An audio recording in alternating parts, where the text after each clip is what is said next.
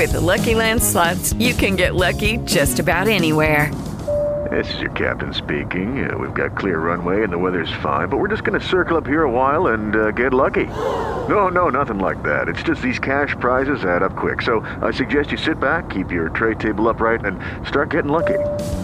Play for free at LuckyLandSlots.com. Are you feeling lucky? No purchase necessary. Void where prohibited by law. 18 plus terms and conditions apply. See website for details.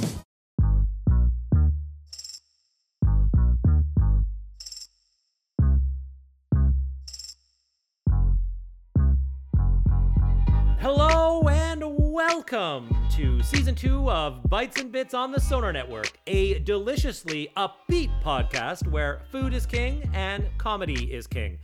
It's complicated, it's a two king scenario. Hosted by two professional comedians, that's us, this podcast invites you to share a meal as we talk about food, comedy, and everything in between. I'm Matt Malant. And I'm Hisham Kaladi. Hisham, my man, what's going What's on? up? What's up? What's up? Nothing new. Um, you know, uh, this is the first non-COVID beginning of summer that we've had. I know technically summer is like mid-July or whatever, but you know, uh, it's spring is over. A nice May weekend, like it's it's great. I cannot. This is fantastic. This is the first time I've been outside in almost two years. So I, I, I cannot be complaining. No complaints. I can't complain. I mean, but you do. I, I, I know this about you. You can't and you won't, but you but you do. Uh, so May is one of my favorite months of the year because in May I get to start planting.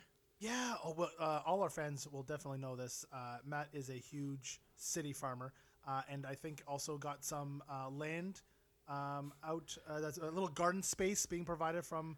I, I can't tell if it was your in-laws or or your Yeah, own yeah, yeah. parents. And Yeah, yeah, my uh, in-laws. Yeah.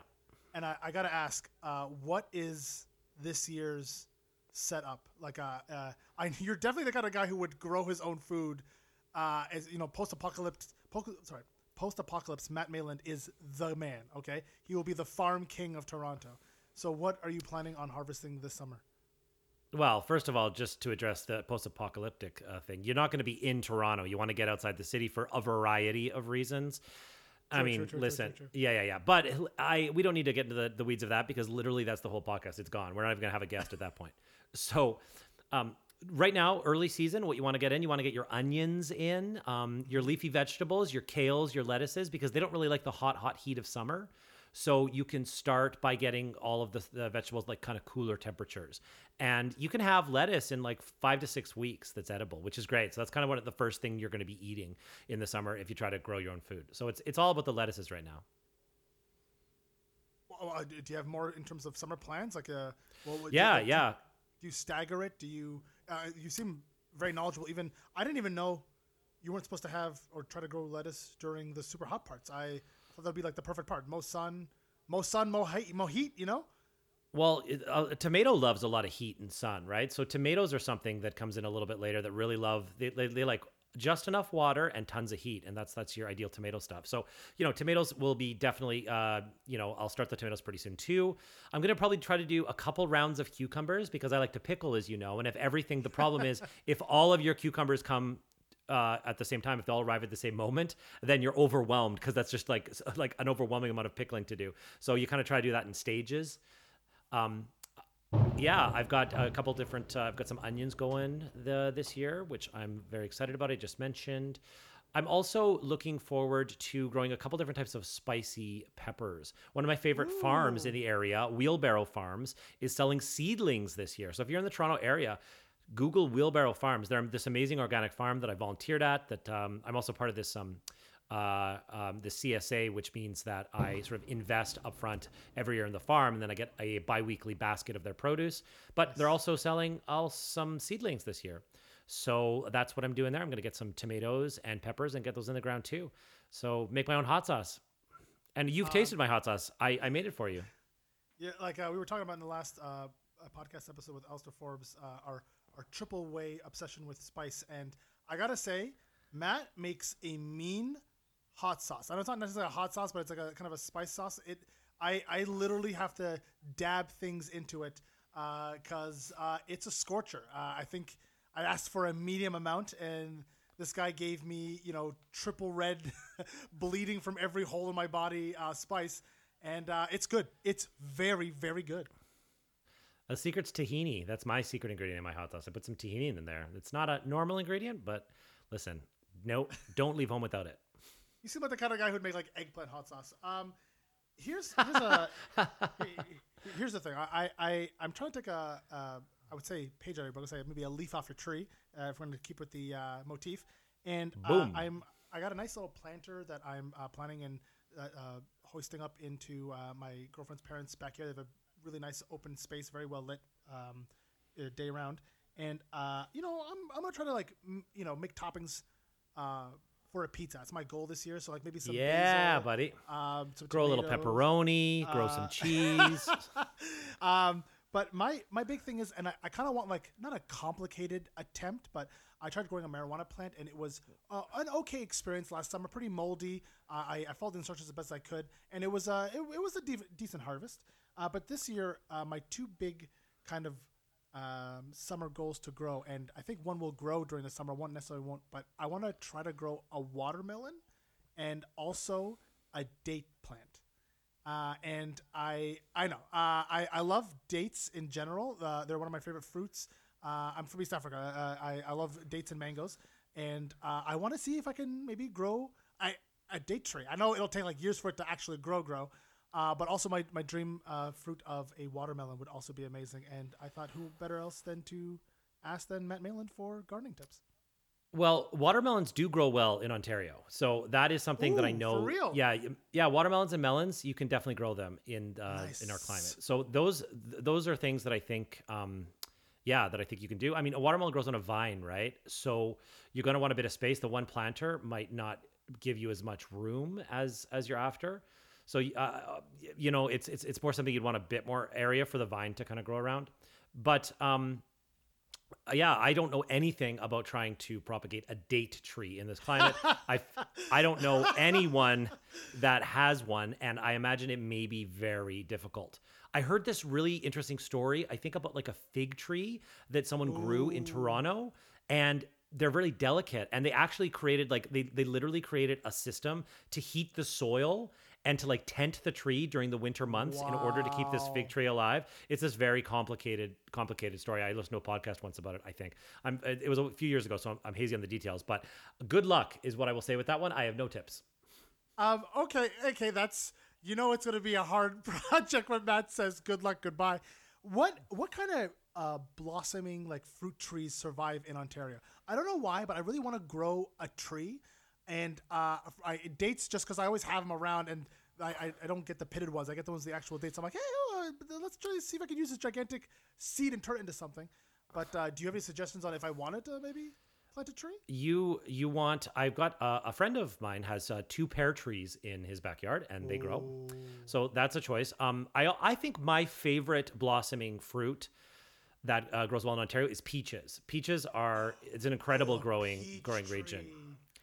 But I also think that you have to look into this because some uh, trees need, in terms of the way that they're they're fertilized, they need like a male and a female version of the tree. Pears are this way. You need to have two pear trees. If you just have one, the bees won't be able to cross pollinate them to actually fertilize them into fruit. So you have to be aware that um, I'm not sure if peaches are the same way. If if the flowers, if if there's male flowers and female flowers in order to uh, to make them uh, pollinate into uh, fruit.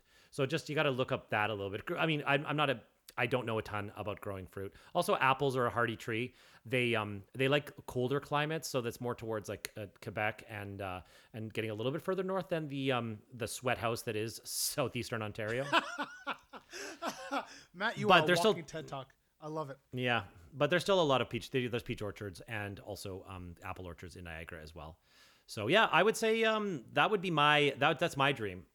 My uh, my in-laws are not interested in fruit trees because they don't want the mess of the fruit falling and like animals and you know uh, the scavengers and stuff. And it is a messy prospect to grow a, a fruit tree, but uh, you know if you can do it, it's delicious. Also, it takes like years and years for it to come to maturity. It's like a five to seven year process to get a a, a, a tree producing quality fruit. So Well, just like we so said, the apocalypse is going to get here soon, so I, I want to have a replenishing fruit supply. So let's get that peach tree going. Become the king of Toronto West uh, with my peach army. Well, while we're on the object of sweet, you should introduce our guest. See what I did there? Uh, that was a very, very slick segue, and I'm just going to keep going because that's. Uh, well, let's keep this on a roll. Uh, today we are joined by the most special guest, and I will argue the most talented person we've had on the Bites and Bits podcast. She has a Bachelor Fair, of Music fair. degree in jazz and a diploma in classical music. She has taught and played music all over the world, including the Kennedy C. Sorry, the Kennedy Center in D.C., America. She is a highly sought after musical director and has worked with the Second City and several Canadian Comedy Award winning comedians. She was also a regular cast member on the highly acclaimed sketch troupe, The Sketchersons, and she once toured with a reggae band. And yes, we will be talking about the one, the only, Ayaka Kinagawa! Hello. Where is this bio from? How do you know that I toured with a reggae band? Uh, Ayaka, we have an extensive, very detailed research department, i.e., Aaron Conway, our wonderful producer, who's got all the dirt on everybody. Yeah, our, uh, our producer writes all the bios, uh, so you can thank her for that lovely introduction. And if she's embarrassed to you, she's also to blame. So just, I just want you to know that. thank you. It sounded really good. It sounded like more than who I am. So thank you, Aaron. Oh, you're so funny. Oh, Oh, uh, Ayaka, so lovely to have you on board uh, today. It's um, uh, it's such a pleasure to always see you. I mean, I've got to work with you so many times at Second City as the musical director when I was teaching a class, and you were always just such a light to have in the room. And so I'm glad that we get to monopolize your time for the next hour. Um, and that it would be so rude if you leave. So that's that's you know we we get you for an hour, and I'm just I'm just tickled. I won't be leaving. I'm gonna have lots of fun. And yeah, thank you so much for having me. I'm gonna have lots of fun. I'm gonna have lots of good food and lots of uh, great conversation. For the record, uh, she that's a that's a sincere thing she's saying. There's no gun to her head or anything. She genuinely means that. Uh, we're so excited. Uh, Matt, what did you get us today to eat for this episode with Ayaka? All right, no beating around the bush. Let's get right into first bites.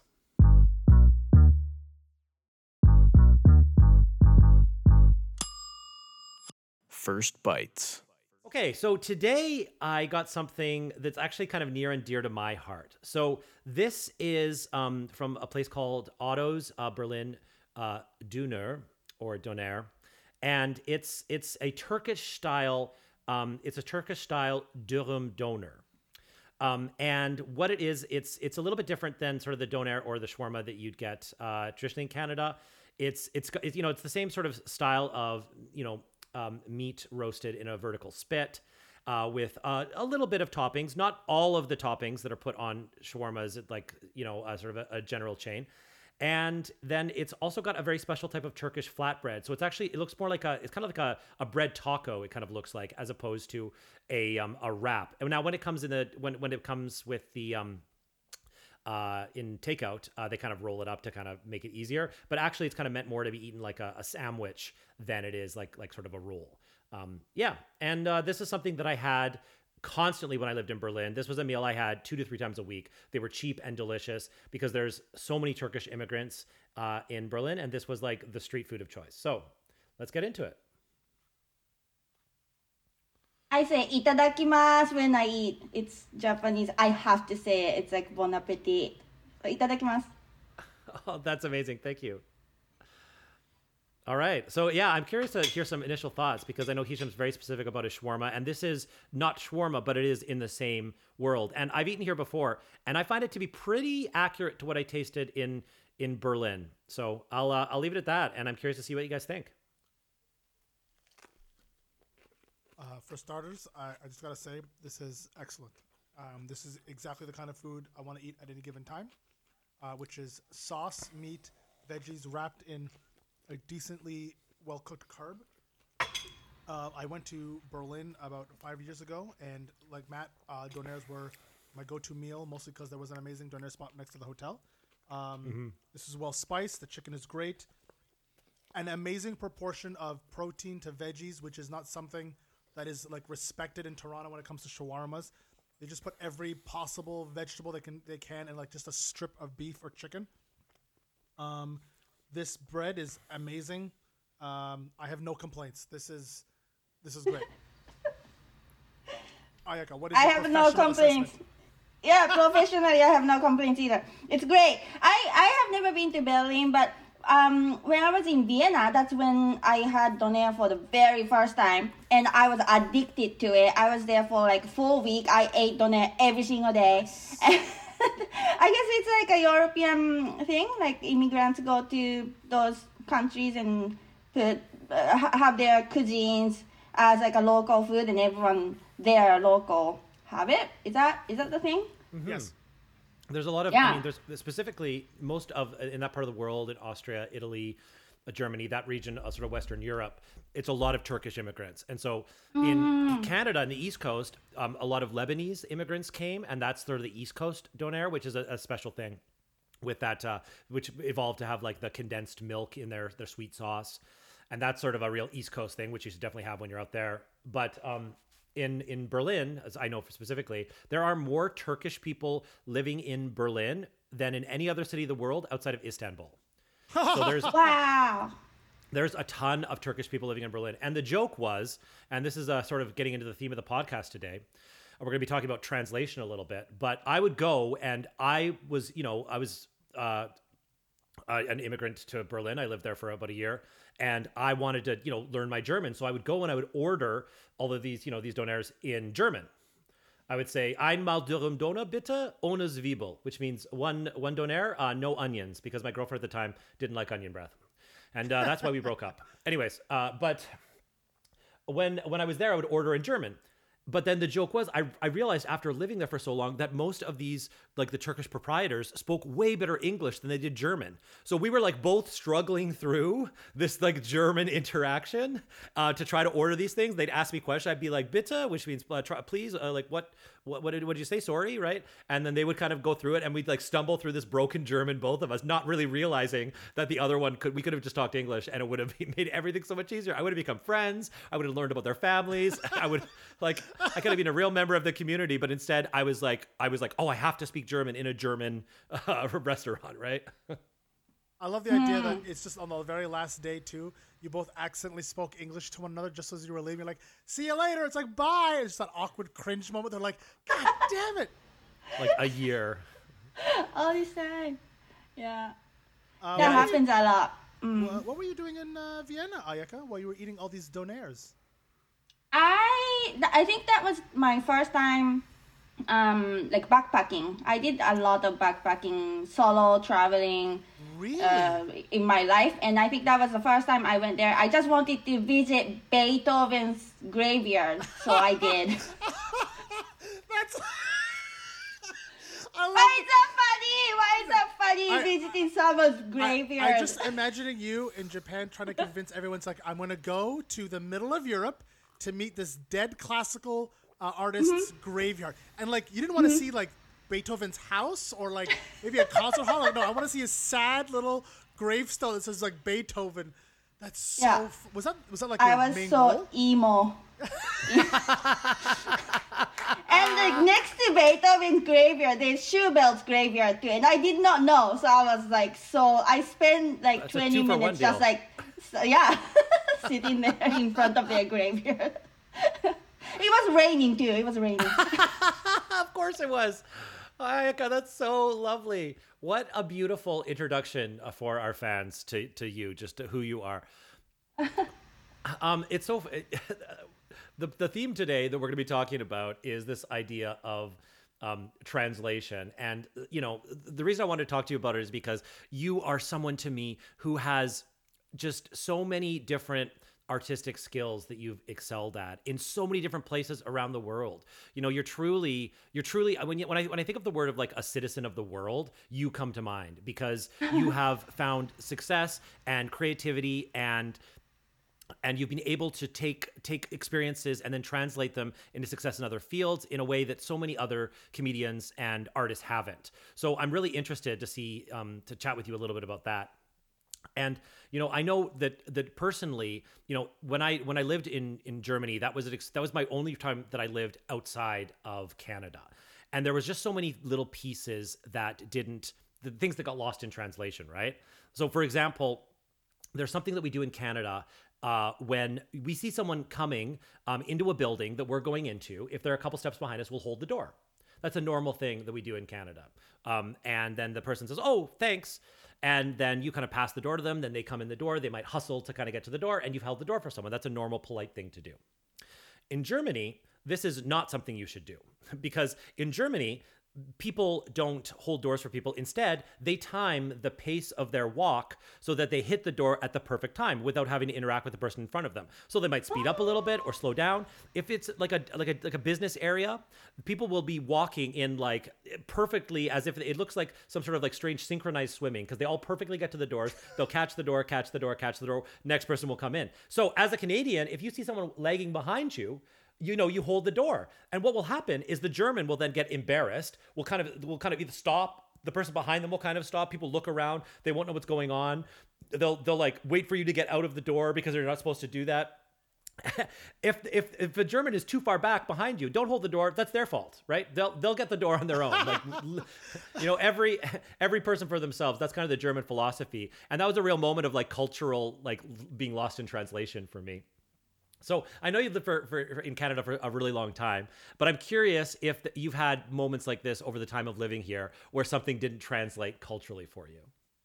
Oh, many, many times. Um, yeah, holding the door, that's interesting. I think I'm more of a German side. I think, um, yeah, sometimes Canadian people hold the door and I have to rush to get there and like, oh, sorry, thank you. And like, why am I sorry? you know? Um, yeah, so I think I'm more of a German person. Like, oh, I think I want to keep the door open, but okay, I'm gonna slow down a little bit. So like, it's natural. It's organically coming to the same time. Oh yeah, we are getting the same rhythm and harmony, and I'm gonna open the door. You know what I mean? Um, so yeah, I think that's more German side. I think one thing I can think of right away is um, uh, blowing your nose. So in Japan, blowing your blowing nose in front of other people in public is rude. So people do all the time. And here, that's rude. So you blow your nose right away. Or someone will tell you, oh, you should just go blow your nose. So I got used to that culture in Canada. And I did that in front of my mother at the dinner table. And she's like, what? What are you doing? That's disgusting. Just, just don't, don't do that. And I'm like, that's what I learned in Canada.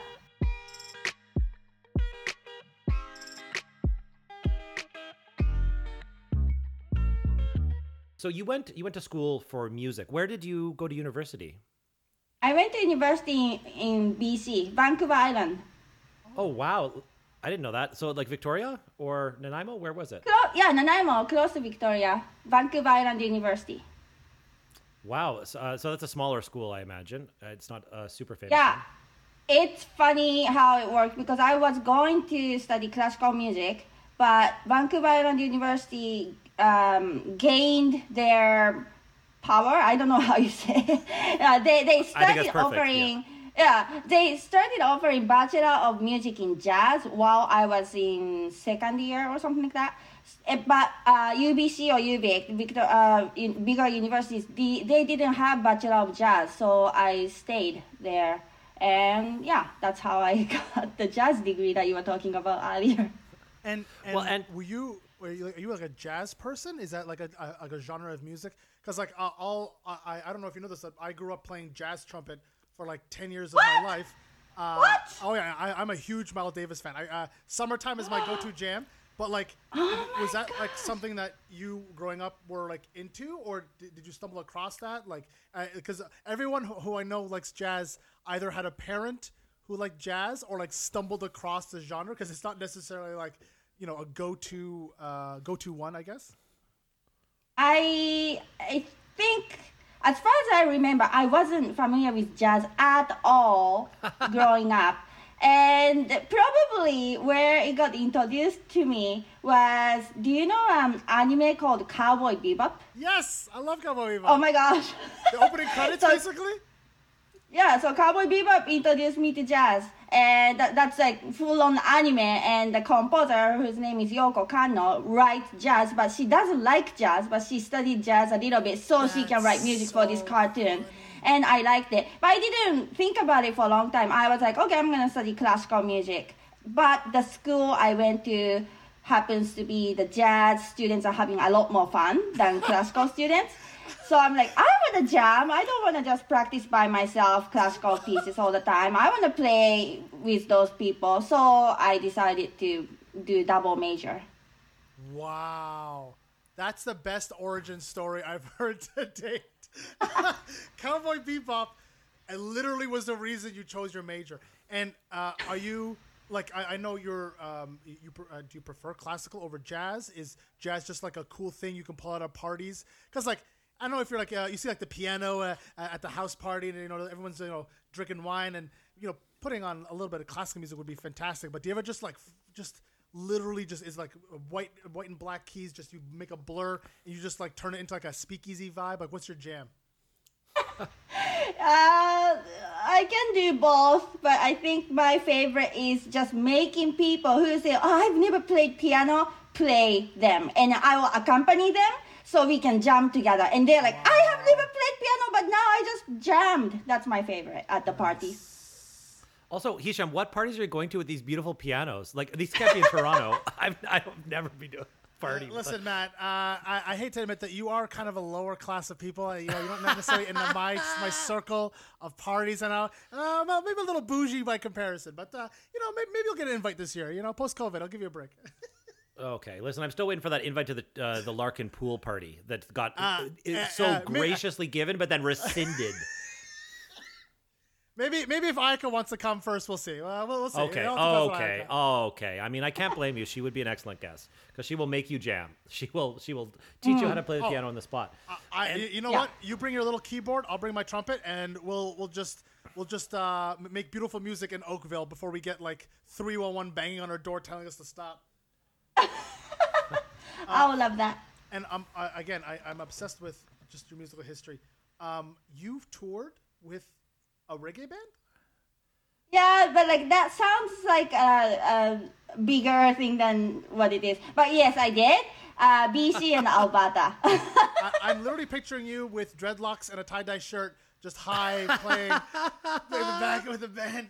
please, please tell us more. I, I, uh, for the, for our listeners, uh, Ayaka is quite possibly the sweetest person I've ever met in my life, and just her rabble rousing with a reggae band is just the best visual I, I can imagine. Please, please, please tell me more.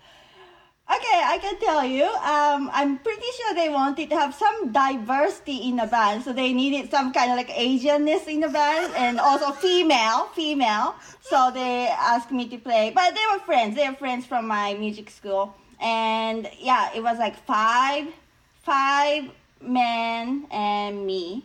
So anywhere we go, like all the audience come to me. So who's your boyfriend? and I'm like, none of them. I don't share a bit with them. So that's how I toured. But yeah, musically it was fun. A lot of fun. Lots of people dancing. Lots of people smoking. Like it was a lot of fun. And it, were these in like uh, uh, outdoor festivals? Were these clubs? Um, was this uh, uh, music that they you guys all kind of made together? Were you guys doing covers?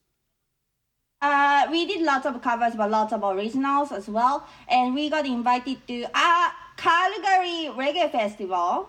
Aren't you? Yeah, you're from Calgary, right? I am, yeah. So yeah, back then they had like a festival, we like inviting so many people from Jamaica, and we were like an opener for one of those like bigger groups. And then even in BC, when there's like a bigger event, we open for like some yeah actual like cool like authentic Jamaican bands like openers and stuff. Yeah. And is this something you still play from time to time, or are you a, a reggae head, or was this just in your, you know, wayward youth when you're, you know, during your university years that you were just in a reggae band? I like listening to Bob Marley and um, Toots the Maytals and stuff like that. But I don't really play reggae unless in like an improv show I was like uh, I get a suggestion to play reggae. But yeah, not mm, yeah, not in a concert hall or live venues or you know anything like that. Well, that's uh, and that's what's so great about uh, you is that you have taken all of these like this classical piano training and and also touring with the reggae band and jazz and all of these things. So so it makes sense to me now that as a musical director for improv and sketch, you know, one of the things you have to do is to play a lot of different genres of music depending on what the scene needs, depending on what suggestions you get. So you were actually like the training you had is kind of perfect to translate all of these different comedic styles musically. Yes, that yeah, I'm so lucky because when I was studying classical music, I didn't picture myself being like a concert pianist. I just wanted to learn, but I never had that dream or anything. And same same for jazz. Like I I I studied jazz, but I never thought I'm gonna be like a jazz player, uh, as like having a career in jazz. And then yeah, reggae is one. And then I was in rock band. I was in top forty cover band. I was in like ah, what else? So many different things, different projects I did. I was asked to join metal band at some point. that that one I didn't join, but yeah, I studied metal a little bit so to see if I was the right fit, and I'm like, oh, I don't think I have the same vibe as the, the other I don't guys. think you do. I, I don't think Yeah. you do. Aika. Just Ayaka Uh, headbanging in the back with the piano. yeah, but I did punk. I was in a punk, like a punk cover and yeah, and funk, punk, uh, hip hop, R and B, everything. So yeah, I was pretty pretty lost. I'm like I'm like you know blues players like I'm a blues player, rock and roll player. I'm a rock and roller, and I I was like I cannot label myself and I, that was a struggle for a while but as a musical director i need to know everything so it worked out Oh, it's perfect. It- honestly, yeah, it's it's it's so interesting that yeah, all of that put you into a field where it's really important to know a little bit about all those things. Hmm.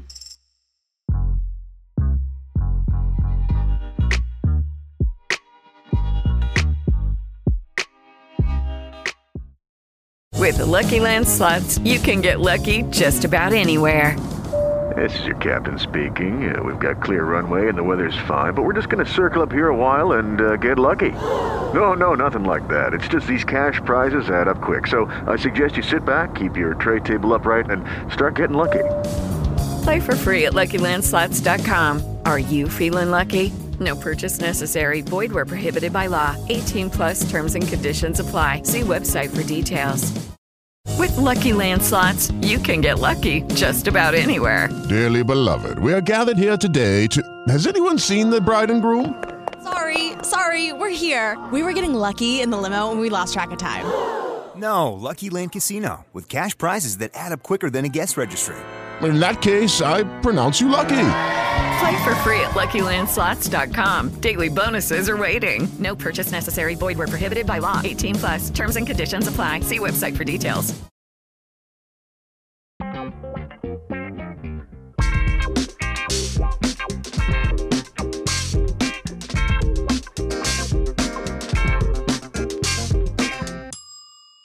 And we're back from break. It's Bites and Bits, season two, episode six, with Ayaka Kanagawa.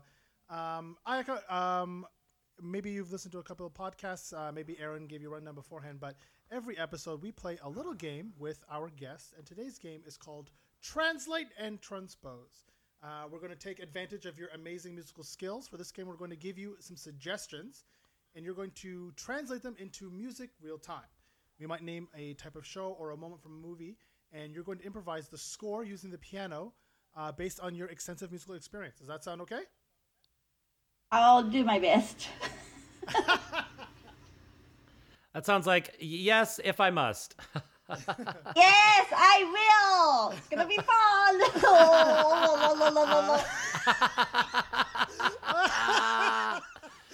Okay, we're gonna get right into it. Okay, all right. Uh, suggestion number one: stereotypical Canadian beer commercial. Stereotypical Canadian beer commercial. okay. Is it like a voiceover or anything? yeah, I'll I'll do I'll do the voiceover. I'll do the voiceover. At the end of a long day, you know, you want to reach for something refreshing, familiar, but also bold. Because you're a bold guy and you deserve a bold brew. Introducing Bold Ale from Bold Guys Beer. The beer you need.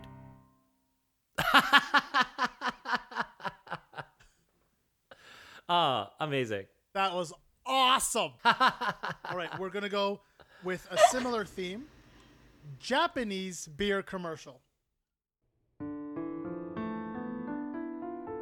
美味しいビールを飲んでおつまみ食べて素敵な仲間たちとパーティータイム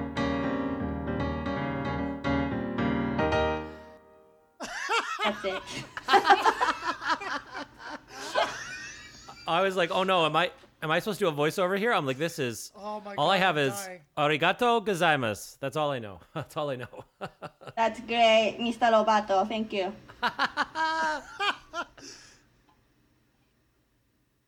Okay. Um. Oh man, these are. Uh, I, I'm actually super excited. This is. Uh, I'm gonna just add extras as we go along. Um. There's a new Marvel movie, Ayaka, with a chef superhero. What is his theme song?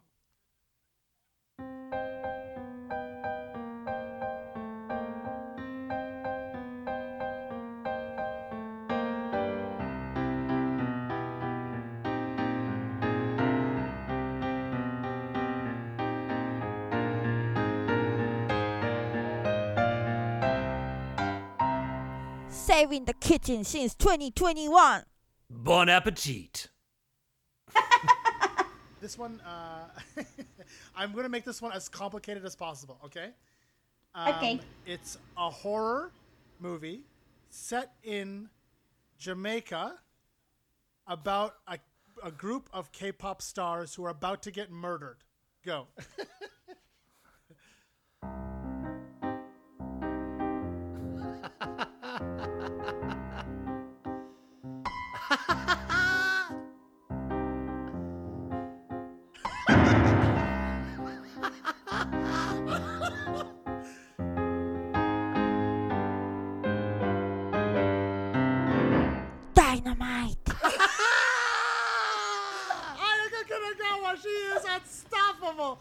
There's nothing Oh. this woman cannot do. Oh, that was awesome. Oh, that was absolutely awesome. Hi, everybody. It's Matt from Bites and Bits here. If you like what you're hearing, please take a moment now and subscribe on Apple Podcasts or wherever you're listening to this. Thanks, and enjoy the rest of the show.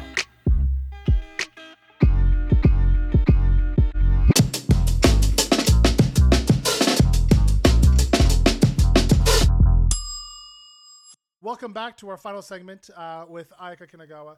Uh, Ayaka, um, yeah, I you've been you're now officially um, a guest on Bites and Bits. Uh, but for those who don't know, uh, you have your own uh, series on I believe it's Bad Dog called Ayaka's Kitchen, which I was a guest on um, early last year. Uh, do you want to tell us more about it before I hop in about our episode? Yes. Oh, thank you. Yeah, it was uh, Bad Dog Comedy Theater. Bad Dog Theater has a YouTube channel called Bad Dog Comedy TV, and I am the host of the show called Ayaka's Kitchen. And I invite guests, and we talk about culture and food and all that kind of stuff. And it was great. I, I had that during the pandemic for over a year, and that was like my social like connection to people. And I missed traveling so much, but that made me feel like, oh yeah, now I'm learning this culture. Oh, I'm learning about this country, and then yeah, that was like my virtual traveling and learning educational moment. So yeah, that was great. So you just basically you wanted these things, so you just created a whole comedy show to get them, which is you know kind of what we did with this podcast too. Yes, we are on the same And- wavelengths. and, uh, yeah. I, I highly pitch. Uh, I uh, I highly pitch listen. Uh, highly pitch watching Ayaka's Kitchen. Uh, for those who don't know, you uh, actually make on air the sushi version of that person's like most favorite cultural dish. And uh, start off with, Ayaka, an amazing interviewer. Uh, please line up to be an amazing guest on her on her series. But you actually made like a sushi roll using Eritrean food, and I gotta say, uh, I literally rewatched it, ordered the same thing, and tried it. You know what? Uh, not too shabby. Uh, I, I, I think Eritrean food can translate to sushi pretty well. I was I was quite pleased with the uh, being able to uh, to do that. That was that was a really awesome experience. Oh, Oh, thank you. Yeah, your episode, like I learned so much from your episode and like so many other episodes. Just like learning different cultures and eating great food. That was great. My my jam. My jam. Uh, and I, I know you can't say this because you are a, a, a, a professional, but could you tell us uh, what was the worst sushi you made on your show? What did not translate well into like sushi form? Yeah, I am a very professional person, but I can tell you that no problem. Um, it was uh, a Japanese Charlie's uh, episode. Somehow they wanted me to grab uh, food. It's it's a um, Canadian delicacy called uh, Joe Louis. Do you know what Joe Louis is? yeah, yeah, yeah. See, I did not know what that was, so I had to go to like five different places to look for that thing. And the, and later I found out I was looking at the wrong section of each grocery store. Yeah. now I see it everywhere. Yeah, so I had to make uh, Louis sushi, and it was very chocolatey and cakey and then chewy, and it was just the worst. Well, I don't like a like a Joe Louis t- to begin with. I'm not even I'm not a fan on its own, and I do not think that like perfectly you know vinegared rice um, would make it any better. Yeah, it was uh, fun. But uh, they also had another uh, Jamaican food as well. So it was just a joke that, you know, we, we put. But uh, all the other episodes, like we had like genuine uh, culture food. Well, Joe Louis is a genuine Canadian culture food, I, I would assume. But uh, all the, yeah, other food, that was great. Another, another a little um, funny one was uh, honey chicken. That was uh, Naomi Snieckus uh, suggestion. And honey chicken, it was very messy and um, yeah. I, all I said was, hmm, interesting. oh, and you know, if Ayaka says, "Hmm, interesting," that's like the rudest thing. That's like on like a ten out of ten rude for her. So you know that you you messed up. You messed up. yeah. And uh, uh, to kind of segue into sushi, uh, I did not know this, and this is a very fun fact. Um, apparently, your advice on how to make sushi helped Matt win the Chef Artois competition. Is this true? Yeah, you won. Yeah, I did. Yeah. I did. Yeah. Oh, this is you just found out. This is you know spoiler No, alert. I think I do. Yes, Yeah, yes, yeah, yes. think- You won. You won. Awesome. So Russian yeah, so the day interference. What is this? What is this? so the day that I got, I, I knew that I was going to be on the Chef Artois competition, but they didn't tell you which restaurant you were going to have to make a signature dish of because they wanted to keep it a secret so people couldn't just like practice and practice and practice. They wanted to keep it like a level playing field. So about an hour before we were going down to the set at uh, Key Japanese uh, Modern Cuisine, it's it's an amazing restaurant. Um, but I I found out I was going to be I knew I was to be making sushi, so I called up Ayaka and I was like, in ten minutes, please tell me everything you know about sushi and Japanese cuisine. And you told me a lot of different things. I picked your brain about how to make sushi rice, which in the end I didn't need to do. But what the thing that you told me that helped me win was that you don't want to put too much rice underneath the sushi. You want to like showcase the fish. Um, and so you you use use less rice than you think. And that totally t- was was was was a game changer because I mine, you know, I did look at mine and mine were dainty and the fish was like sort of overlapping on all sides and presenting the fish. And then my competitors just had like a handful of rice, just like a big I don't I want to say, you know, like uh, like half of a hot dog full of rice with like the fish on top of it. So it really is. Yeah, you want it to be one bite, right? Or, or maybe two bites. But she was, you know, she was like a three or four bite piece of sushi. And and that's one of the things the judges commented on that it was appropriately sized. So thank you. Thank you for the advice. You're welcome. I'm so happy that yeah, that that's awesome. I learned that from actual restaurant when I was um, a poor musician um, making living. yeah, with a little bit of gigs and restaurant being being like assistant sushi chef. I guess that's the title or whatever. And so I was making sushi, and I thought making a bigger sushi with more rice um, uh, the customers would enjoy it because okay, the same price and the sushi is bigger, and then the chef was like, no, that's like opposite of what you want to do because people enjoy the experience of it, not the amount or the, the quantity of it. So that's how I learned. So yeah, awesome. Yeah, also just a sushi chef casually, right? Like these are the things that we just find out about this guest. Jazz but yeah, it was amazing. Sushi chef, world traveler. Yeah, Aw. emo emo kid that cries at graveyards. Like she's she's got it all. she's she's got it all. So there's there's one more thing I want to talk to you about today here, and this is actually something our writer um, Anthony Hall uh, put me on to, and it's it's about it's a it's it's looking at a, little, a specific type of Japanese comedy. So if I'm if I'm pronouncing this correctly, um, so Owarai, Owari, Yeah. that just means like televised comedy in Japan, right? Essentially, more or Yeah, less. owarai means comedy. Comedy, yeah, um, and specifically manzai. Um, Mm-hmm. That's that, that's a specific type of comedy with duos, right? That's quite popular. Yeah, yeah. So, so could you explain what what kind of manzai is uh, for us, and then I want to talk about it a little bit. Oh, wow! I've never done that before. I mean, I've read the Manzai- yeah. Wikipedia page, but I feel like your personal knowledge will be better than what I've read on Wikipedia. Okay, let's see. So yeah, two people stand on stage, and usually they share the microphone, like one microphone, Yeah. one person, this person, this person, and usually their roles of one person is always making jokes, and another person is always like correcting them, like, "Oh, that's dumb," or like, "What are you talking about?" Boom, and they just like hit their head and stuff like that.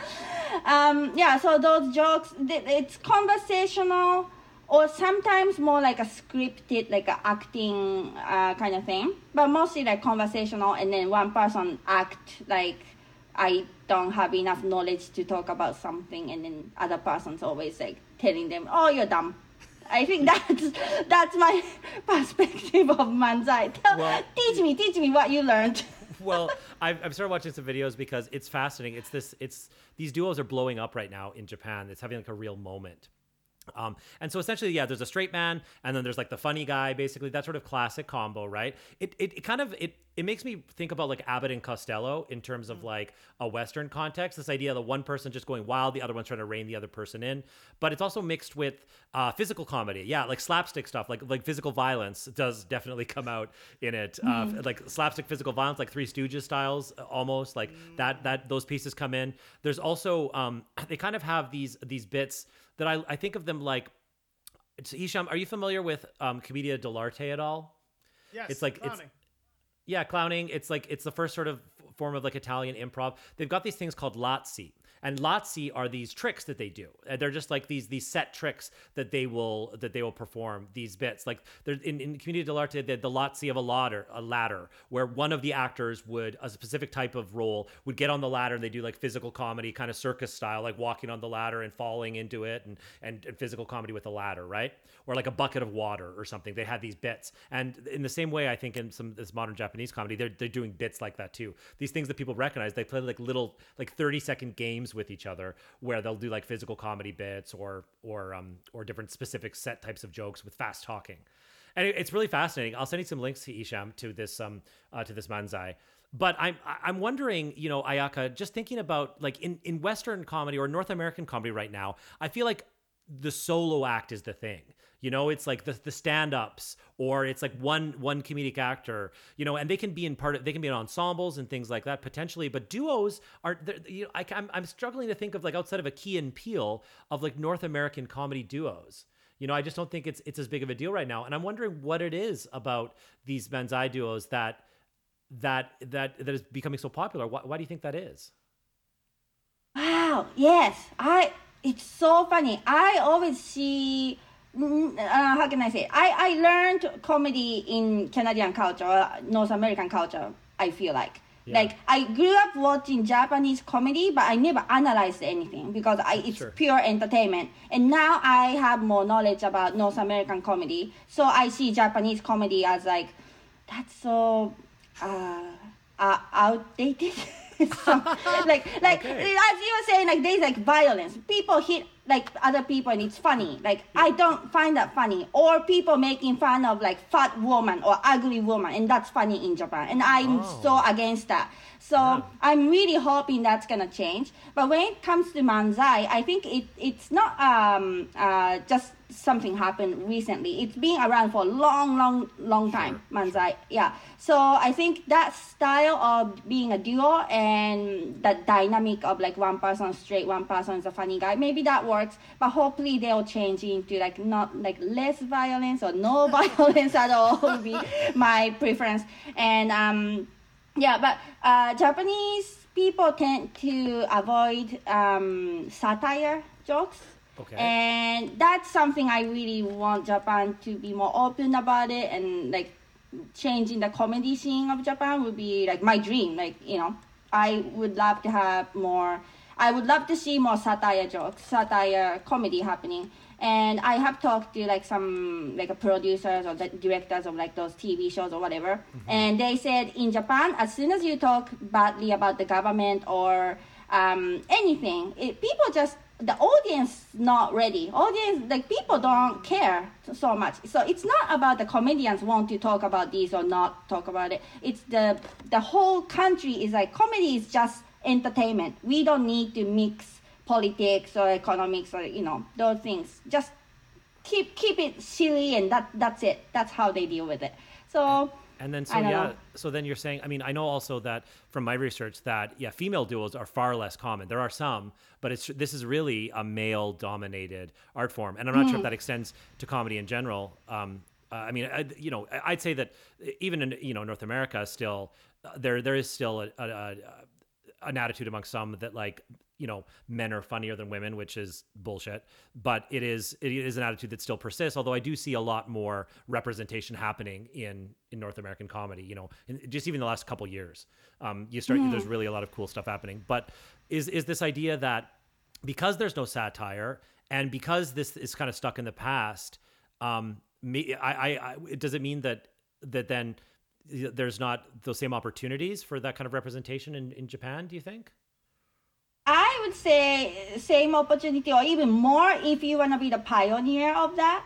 And that that's a huge thing. I, I'm pretty sure Japan has to catch up in that sense, and then it's gonna be more and more. But it's not just the uh, sexist part of it, but also ageist.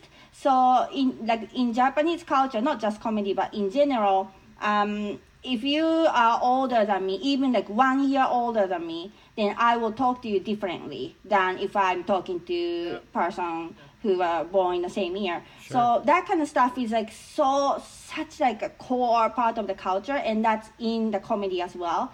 So it's hard to make fun of other people who's older, or hard to yeah how to work together in the same stage with someone older that's what i found um, oh yeah when I, I i was sent to japan to tokyo um, by second city to teach improv to those comedians who does manzai Oh wow. and it was yeah it was so difficult for them to get rid of that um that age of like okay now we're on the same stage so like we talk to each other in a uh, same level. equals, In- equals, Mm, equals. Instead like if you are a year older maybe you are my colleague who, who who's my boss or like my father or like the opposite doesn't happen even though you can improvise. So Right. i think yeah it's very cultural how to change things in that sense Well, Ayaka, it has been such a pleasure to chat with you and to hear about your journey and and your point of view and all the different cultures you have sort of weaved throughout uh, your journey as an artist and a person. And thank you so much for sharing that with us. Thank you. Thank you for having me and and serving me great food and having great conversation. Well, we did it all. We did it all. Like there's a full circle. We're going back. Check, check, check, check. That's it for this week's episode of Bites and Bits on the Sonar Network. Please subscribe on Apple Podcasts or wherever you're listening right now. We want to thank a few people for making all of this possible. Our producer, Aaron Conway. Writer, Tony Hall. Music editing and sound design by Ryan Sheedy. And of course, you, our listeners. Thanks for being a part of the bit and sharing some bites with us. We can't wait to have you at the table again. Follow us on Instagram at Hisham Kelati, at Improv Eats, and at Bites and Bits Podcast.